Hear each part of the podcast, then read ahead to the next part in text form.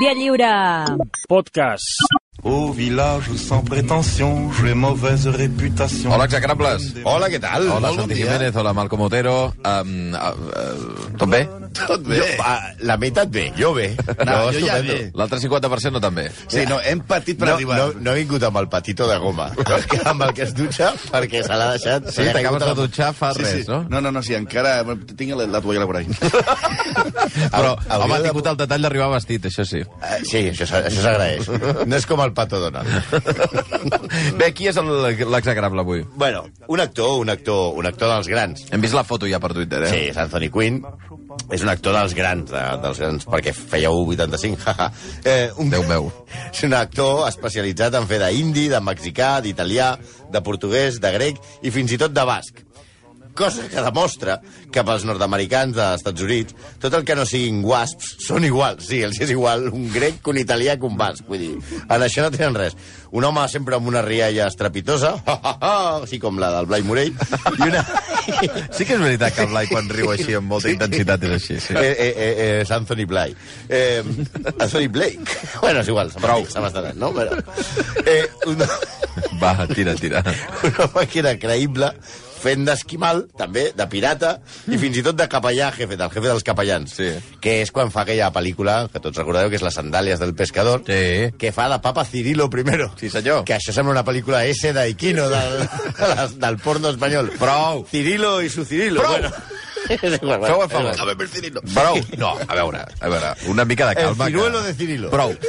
Fins aquí. S'ha entès i no cal insistir-hi. Bueno, és, és una persona que et deixa riure, que encara no hem fet cap xiste decent, home. No. Un tipus que va fer gairebé 150 pel·lícules m'està fent riure a mi, i això, això de 150 pel·lícules ens ho ha dit el Monti. Sí. Ell, l'Àlex Montoya, i què? Per què? Bueno, perquè Per què serà t'ha de dit el Monti? S'ho ha- S'ho ha mirat. S'ho ha Sí, mirat. hi ha, I un vam article, hi ha un 50 article de fotogrames que, Sí. que, del Monti Sí. sobre l'Anthony Quinn. Sí. Però què, vols dir que hi ha dubtes al respecte de, la, de Eh, és quantes que ell diu pel·lis? 350. Qui? O bé el Monti. Queen? Queen diu que va fer 350. Però o bé el Monti. 200. El Monti a les 150 es va cansar i va dir, ja està, Però que- 150... En ballen moltes, tu. Sí, clar, apostem pel Monti, eh? Sí, clar, però... Coneixent el personatge... Sí, pot exagerar, o pot ser actor exagerat, però també pot ser que digui, hòstia, és que a 150 ja, ja, A veure, aquí s'acaba. a veure, una cosa, 350, no sé, si la carrera teva et dura 35 anys, són 10, 10 Però també feia papers molt petits eh, Ah, i també. feia molt de... de... No ell, ell, ell va guanyar dos Oscars com a actor de repartiment, que no són els de Globo que van amb bicicleta. Sí, sí, no. Oh, horrible, això. sinó que és l'actor secundari. A més a més, tenia moltes més qualitats, a part d'actuar, pintava, esculpia amb ella, i sobretot cardava, cardava molt. Perquè... Com a qualitat, no? Com a qualitat, sí. Era el mascle alfa d'aquests de manual. Seductor de primer ordre, que es passava per la pedra, tot el que fos femení, i fins on sabem, bípede, fins i tot. Avui li traiem tot el maquillatge d'una clatellada a l'home que sempre feia de dolent simpàtic, però que era, de veritat, bastant dolent, perquè el nostre astre del cinema era un masclista, com n'hi ha hagut pocs, i això ja és molt dir, maltractador, violent i fatxenda. Avui li arrenquem la disfressa a aquest xuleta, aquest farsant que va fer tots els papers ètnics de Hollywood, que es deia, en veritat, Antonio Rodolfo Quinn Oaxaca, Oaxaca, més conegut com Anthony Quinn. Per alguns, el pare de l'escultor aquest de les manetes entrellaçades que vivia per aquí i exposa diversos passejos marítims de la costa catalana. Ai. Ja tinc eh, uns quants missatges de gent que no, no està d'acord amb que avui destrosseu a Anthony Quinn. La gent no està d'acord mai en res. Ja, vaja. jo també. Si jo Però tinc ja que explicar-los a tots en el que no estic d'acord, no tindríem programa, eh? Vaja, que sí que t'és igual, no? Me la bufa. D'acord, d'acord, molt bé. Vinga. Ja, ja pensava que posaríem la música de del Home, grec. jo esperava una mica de Sirtaki, alguna cosa. Sí, pues... I per què? El, Mira, el... amb sort que no hem posat Chiquito la calzada i el, i el seu te da Queen. Eh? Per Ni la favor. cançó de... Ah, ah, que Queen és per Queen. Val. Mira, acabo d'enganxar-ho.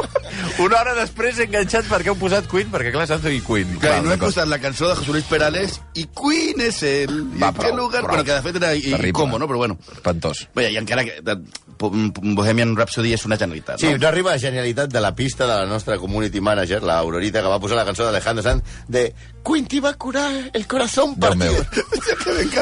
El, arroba il, il execrables, eh? Això és el, el compte Però, de Twitter. bé, no està malament, tenint en compte l'hora i la condició en la que s'ha perpetrat aquest guió, que s'ha de dir que s'ha intentat eh, eh, fusellar i, i, i, i, i menys valorar per culpa del Toni Garcia. Boicotejar, diria jo. Boicotejar per culpa del Toni Garcia. Què vols dir? Que el Toni Garcia sap que som la millor secció d'aquest programa. I ell això no ho pot suportar. Això, no, no, no, no ho això suporta. No ho de suporta. dir-t'ho tu mateix té gràcia, també, però vaja. Eh, no, eh, eh, també s'ho pensa el Toni. Ah, sí, I, això sí. I aleshores el que intenta és eh, treure de copes a un dels guionistes, en aquest cas el Malcolm, Sí. perquè faci malament el guió. Ahà, I aleshores- això és una estratègia. Clar, és una- Tota la setmana ha estat matxacant el Malcolm, en, Sí. en aquest sentit. Sí, sí, i, i ho ha aconseguit, eh? Surt, surt dijous, surt dijous, surt dijous. Bueno, bueno però anem al Però, tema d'Antoñito. t'ha tombat. No, no, a mi encara no, no he nascut el cantó. D'acord. No, Uh, ara- ara- ara- escolta'm, ara aquest mascle alfa que t'ha sortit És ara... que té, té a veure amb el que farem avui. Avui és va de mascle alfa, això. Val. Machito nen. Bueno, eh, eh, Antoñito. Ant Antonio neix a Chihuahua, que per això, a més d'un gos molt petit, és un lloc al nord de Mèxic. Uh -huh. I es va canviar el nom, efectivament, però cal dir que el Queen és real, perquè el seu pare era mexicà d'origen irlandès. Queen. Prou. Un tipus que lluitava amb Pancho Villa, que pels de l'ESO també és un tio amb bigoti, barret gran i que realment es deia José Doroteo Arango Arámbula, i que al final va acabar vivint als Estats Units, on el seu pare va deixar les armes i es va dedicar a ser jornaler. Eren molt pobres i Antonio feia de venedor de diaris al carrer o de, de no sé què feia. Enllustrador, enllustrador. És el que neteja Les sabates. sabates, les sabates, sí, sí. sí. Bueno, també podria fer enllustrador a altres parts del cos, No, però no... enllustrador. no, Va, va, va, va, Això és el va. que es diu xapero. Va. El seu pare mor i Anthony ha de deixar els estudis i fa de rentaplats, de missatger i del que faci falta per sobreviure. És a dir, fa aquestes feines d'escombraria que, segons la candidata del PP a Madrid, Isabel Díaz Ayuso, són tan dignes i s'han de protegir perquè hi ha gent que no té feina. Fins i tot és boxejador. Amb cert èxit, fins que el tomben eh, i, una, i quan el tomben li parteixen la cara i decideix que això no fa per ell. També dibuixa molt bé i retrata les estrelles a partir de fotos dels diaris i els envia els seus treballs per correu. Només Douglas Fairbanks li va respondre amb un sobre de 10 dòlars per, per, per, per, per agrair. És la valoració que li va fer Sí, Douglas bueno, Fairbanks. com a mínim és l'únic que li va valorar. Això sí. Els altres amb- tampoc era, eh? Sí. Ell fa de bufó de, en festes particulars, com nosaltres en aquesta, i fa algunes imitacions més aviat mediocres. Més Ah, menys. també imitava Anthony com- Quinn? Com nosaltres. També. Has fet, has fet un Alejandro Sanz En fi, tan colpidor. La, la, la seva... Sí, bueno, el teu, el teu Queen també ha sigut bastant eh? En fi, tot apunta a que seria una altra d'aquestes persones que arriba a Los Angeles intentant ser un gran actor, però acaba fracassant i acaba rentant cotxes. Sí, de fet dibuixa tan bé que fins i tot demana feina a un despatx d'arquitectura i no s'hi posa per poc. Vol treballar al despatx de Frank John Wright, amb el qual arriba a entrevistar-se... Lloyd Wright. Què dit? Frank Young. Va, Frank, Frank Lloyd Frank, Frankie de Jong és un. Frank Lloyd Wright, sí. amb el que arriba a entrevistar-se... Algú molt conegut eh, de l'arquitectura en aquell moment. Era, era, era la repanotxa de... El, el Gaudí d'allà. Va. El Bofí. I, i arriba a entrevistar-se. Però no el contracte, perquè en aquella època Queen era tartamut. Cosa que, com sabem, és un hàndicap absolut, absolutament insalvable per ser arquitecte. Vull dir, home, per ser locutor de ràdio igual, però per ser arquitecte, pues no sé. Aquest Frank Lloyd també devia ser un cretí de collons, eh, qual cosa hem, ja el, acaba d'entrar a la banda a calentar. El cas és que aquest, diguem-ne, defecte a la parla, el va solventar amb una senzilla operació quirúrgica, es va tallar el frenillo, el de dalt. I el que, perquè les seves memòries es vantava d'haver pagat aquesta operació a terminis, perquè era l'època en què ell no tenia un ral. Sí, la, uh, llavors es casa, en aquell moment, té 17 anys, ell, uh. -huh. es casa amb Sílvia, que és una dona de 34. Uh -huh. No sé, és el doble exacte, li, li porta 17 Molt bé, anys. molt bé. Però a la inversa del que a vegades passa amb aquests personatges, no? Sí, és que es casen amb joves. Després amb es joves. Un Macron, diguem-ne. Després es pren la revenja. Ah, eh? d'acord, d'acord. Sí. Ell en té 17 i la seva dona 34. Sí, sí, fa un, un Macron exacte. I ella li ensenya filosofia i art. El Entre altres, entre altres coses. Va. I li ensenya modals. Una mica, és una mica My Fair Lady o Pimalió. Fa estudis de pintura i interpretació i fins i tot d'arquitectura. Fa alguns papers eh, d'extra i Mae West la padrina. Va Cuidao. fer de Milky Way i Parol. Per cert, ell Va fer de Milky Way, no de Guille. No, no, no, de, no de.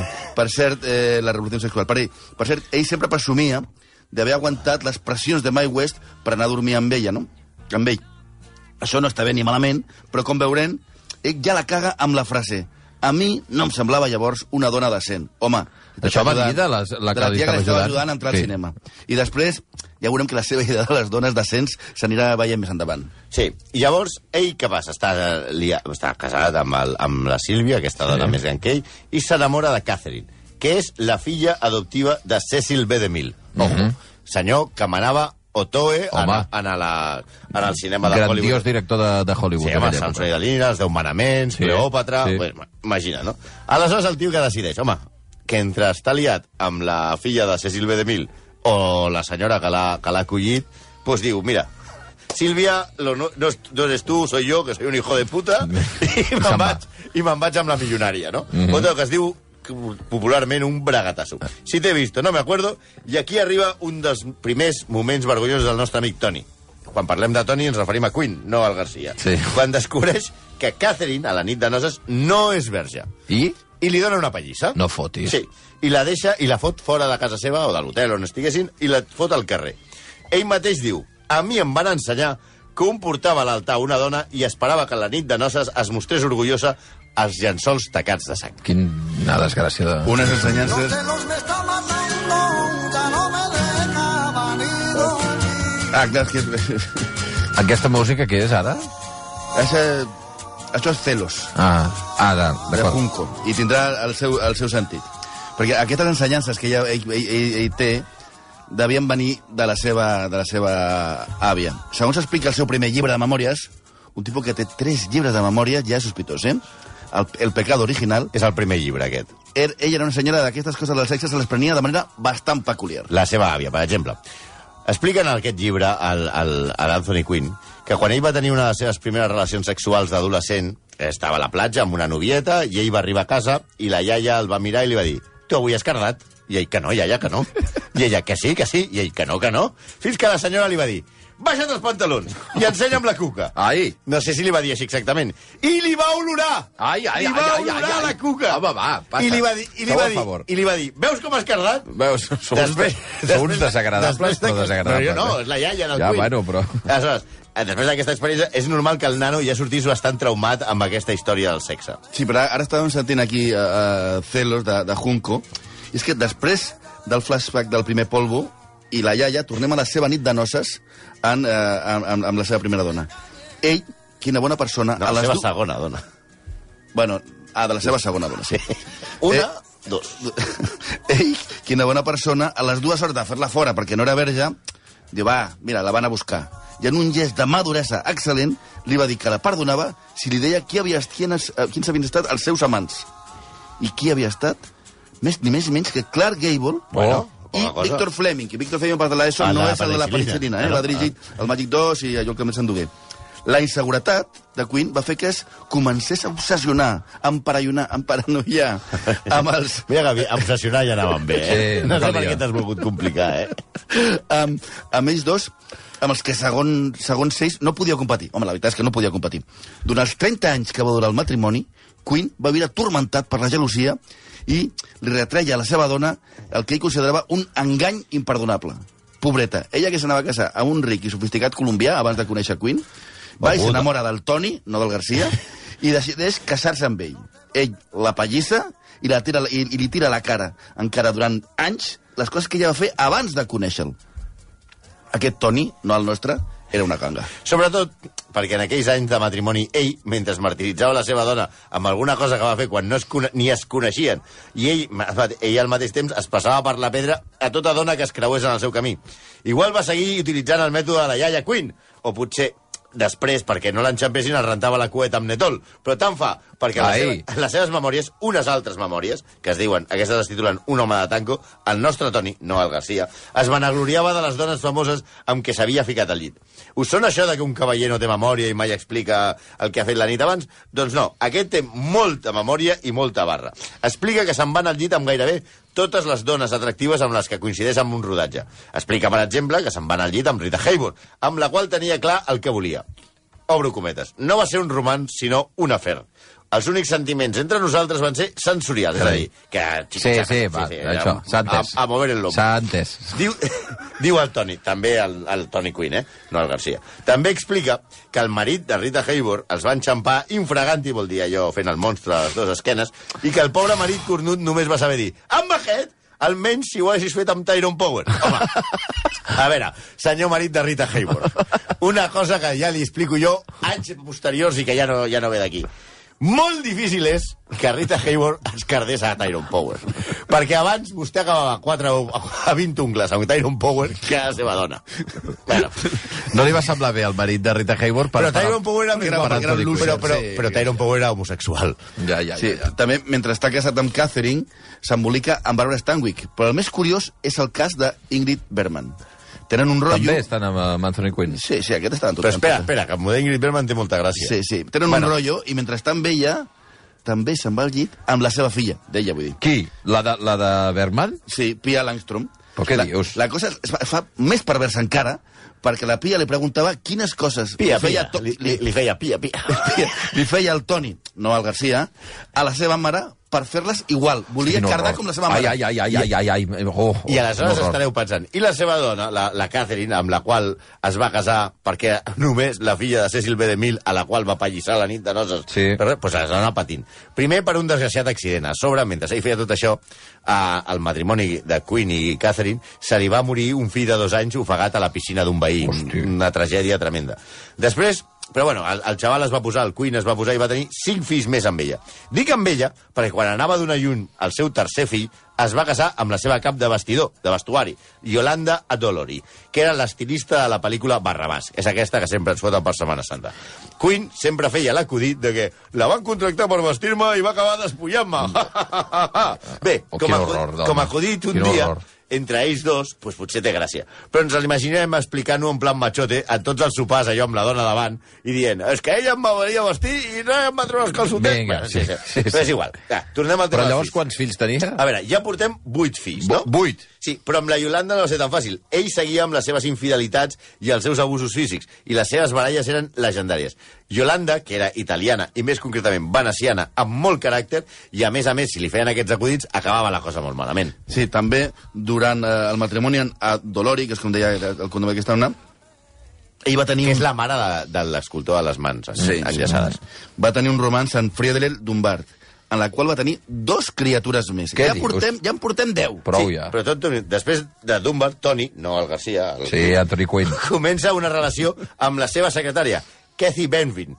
Ella és gairebé 50 anys més jove que ell. I, així, I aquí ve la història aquella que us explicàvem de que quan ell va començar amb 17 anys amb una dona de 34, després es eh, tornaria al revés. I tot i així, li fa dos fills. I en portem 12. Hosti. Quan neix el segon, Adolori diu que ja n'hi ha prou. Perquè, a més a més, seguia amb la seva tercera dona, que ja no pot més. I comença a perdre el cap. Segons l'advocat de Queen, Adolori va intentar matar la secretària, que era la, la amant i mare dels dos últims fills d'Anthony Quinn, a través d'un detectiu privat. Bueno, detectiu privat, com diria Suárez i Llana, els seus advocats de Nova York, assassí. Sí, sí. que... Fa avortaments després de viu. o sigui, un detectiu en principi investiga, bueno, no igual, mata. igual no pensis que això dels avortaments després de néixer venia a ser això. Ja, ja, ja. ja. El que, el que, Assassinats. Sí, sí. el, el divorci va ser un espectacle públic que, que omplia diaris, no? La imatge de sensat i simpàtic de Queen es va esfumar. Els dos advocats eren els millors matrimonialistes dels Estats És a Units. dir, uns cabrons de, Sí, sí, sí. Amb, amb balconades al carrer. El seu fill, Danny, va parlar al judici i en principi anava a favor de Queen. A favor del pare. Del pare, sí. I el que va dir va, el que va dir va ser era violentíssim. Cada vegada que mamma es, la, es lamentava de les seves infidelitats, cridava, trencava plats i la pagava. Segons sembla, el marit violent va haver de pagar 10 milions de dòlars i obres d'art.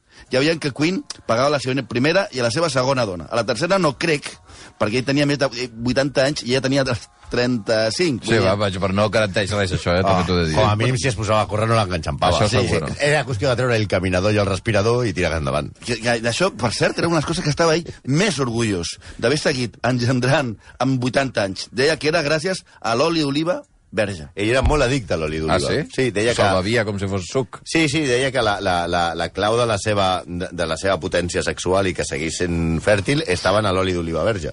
Bé, no sabem què pensarà el fill escultor de les manetes entrellaçades, però sembla que un bon pare tampoc era. A més del terror i violència domèstica, només si veus com defineix els seus fills, entens el que, el que significaven per ell. Ell parla dels seus fills com accidents biològics. Molt bé. I a les amants les anomenava indiscrecions. Molt bé. I sempre, sempre, sempre, sempre ho justificava tot dient que la culpa era de Catherine, de la seva segona dona, que, clar, com no va arribar verge al matrimoni, Claro. entonces que todas es que las visten como... No Ja, ja, ja, ja, ja, ja s'entén. I això el va traumar moltíssim. I des d'aleshores no es fiava de les dones. Bueno, mimosín no era, el que era un sinvergüenza. Sí, sí. Sí, és que era un super macho 24 hores al dia. A part de d'insinuar que no va deixar cap dona sense la seva ració de... Bueno, en els, els rodatges... De salami. Sí, de salami, vinga, vinga, Presumia de com va frenar l'assetjament de George Cukor, que era homosexual. I la frase que diu és aquel maricón.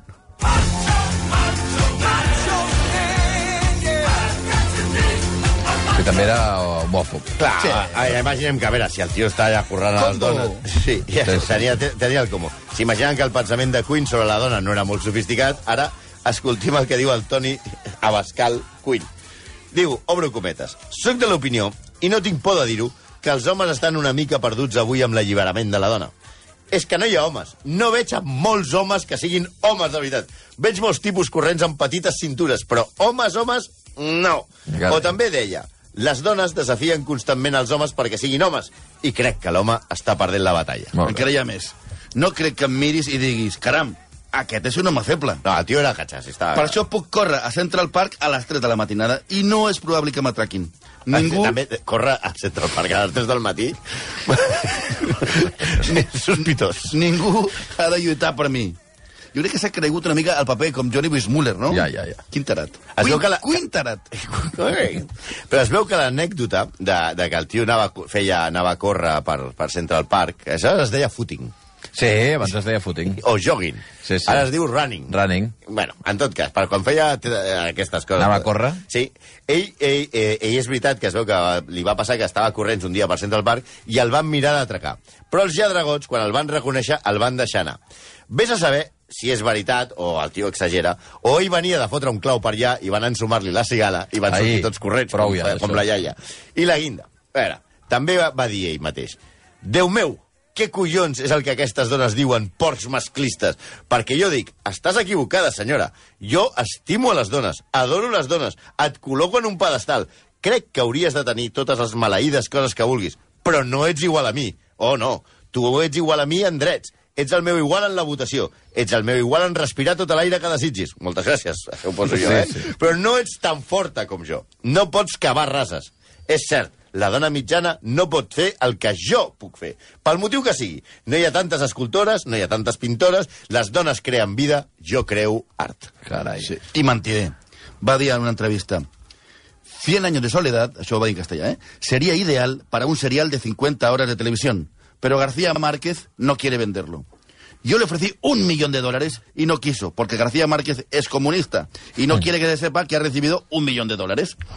Porque luego vino, después de la cena, y me dijo aparte, ¿cómo se te ocurre ofrecerme ese dinero en público? Otra vez me lo ofreces sin que haya ningún testigo. A veure, aquesta és una, una mentida i exageració, perquè després va sortir eh, García Márquez a desmentir-lo. El país, el, García Márquez va haver d'escriure el país desmentint a Anthony Quinn. Y va, al- al que escribe García Márquez al aeropuerto es así. diu, Los periodistas del aeropuerto, que de tanto vernos han terminado por ser mis amigos, me dijeron que Anthony Quinn había dicho la noche anterior por la televisión mexicana que estaba dispuesto a darme un millón de dólares por los derechos para el cine de 100 años de soledad.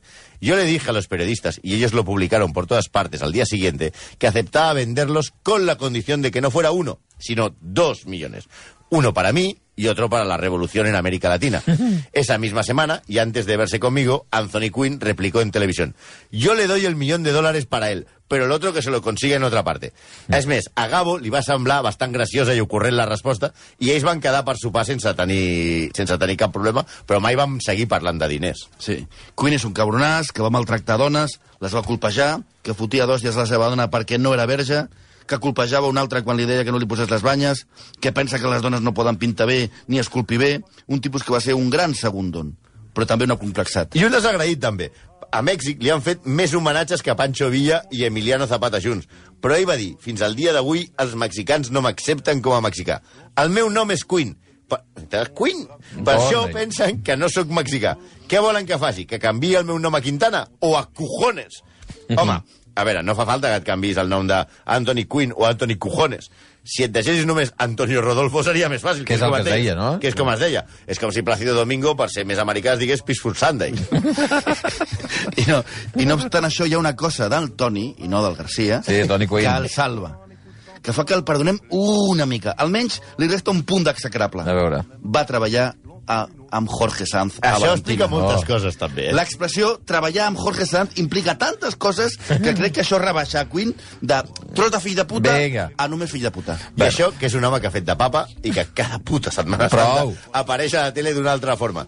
Això deu ser un motiu de penitència per nosaltres. Les 11 i 3 minuts, avui Anthony Quinn convertit en un il·lustre execrable a través de la mirada eh, i de, vaja, del que han pogut saber el Malcom Otero i el Santi Jiménez. Gràcies, nois. A vosaltres. Vinga, adéu-siau. Tout le monde viendra me voir pendu, sauf les aveugles, bien entendu. 11 i 3.